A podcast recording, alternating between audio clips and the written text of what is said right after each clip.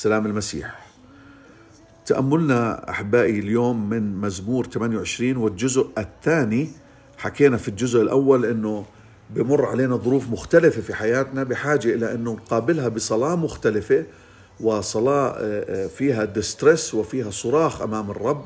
نصرخ أمام الرب ونتضرع ونستغيث بالرب. وحكينا إنه اللي بيستغيث هو إنسان وصل مرحلة الحضيض وهو بحاجة إلى تدخل قوة أعلى منه. وهي هي القوة قوة الله؟ والنتيجة راح تكون إنه الرب يسمع صوت تضرعنا.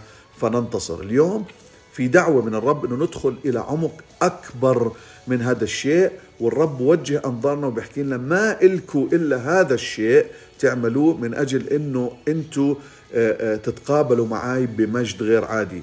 والعمق اللي أكثر إن نتعلمه آه، كجزء ثاني من مزمور 28 هو إنه أرفع يدي إلى محراب قدسك. يعني يعني أرفع قلبي وأرفع يدي وأرفع صراخي وأرفع دعائي وأرفع استغاثتي إلى قدس الأقداس إلى هيكل الله إلى سكن الله إلى محراب قدسك.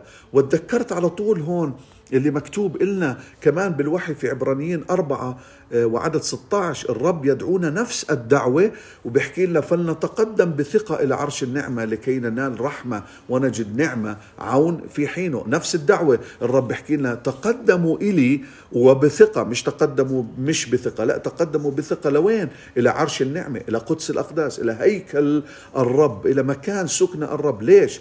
حتى ننال رحمة ونجد نعمة وتكون الرحمة والنعمة هي العون في حينه. ربما أنت الآن وأنت سامع صوتي بتمر في هاي المرحلة اللي إحنا بنحكي فيها مرحلة ظروف مختلفة وموسم مختلف في تحديات كثيرة في حياتك وأنت بحاجة أنك تصرخ وتتضرع وتستغيث بالرب وتجعل صخرة صخرتك ومتكلك والرب بيقول لك ادخل معي بعمق أكبر وارفع يداك وقلبك نحو قدس الأقداس. لأنه لما بتتقدم بثقة بدنا ندمج مزمور 28 وعبرانيين أربعة ندمجهم مع بعض ارفع يدك وقلبك نحو قدس الأقداس عندي. لأنه ما إلك حل إلا أنك تكون متواجد في هذا المكان تقدم بثقة إلى هذا العرش.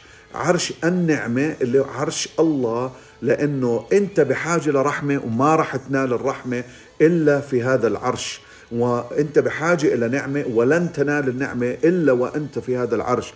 أحبائي إحنا بحاجة لرحمة الله وبحاجة لنعمة الله ومش رح ننال رحمة الله ونعمة الله إلا لما نكون مع الله. كيف بدنا ننال إحنا بركات الله؟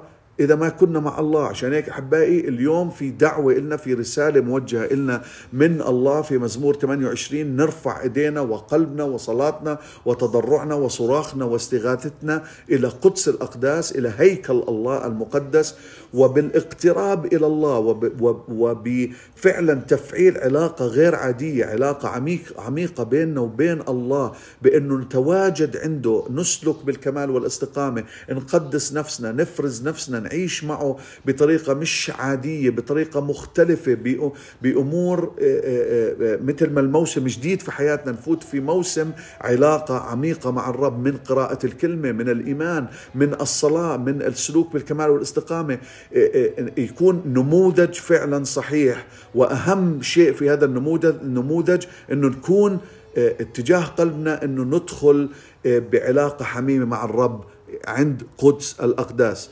بتذكر أيضا في مزمور 18 أنه بعدد ستة داود بصلي بالوحي وبيحكي بنفس السياق اللي إحنا بنحكي فيه لأنه كلمة الرب مترابطة. بقول في ضيقي دعوت الرب وإلى إلهي صرخت. عم نحكي على نفس الضيق عم نحكي على نفس الصراخ عم نحكي على نفس الدعوة وعم نحكي على نفس الإله اللي شوفوا شو بيعمل.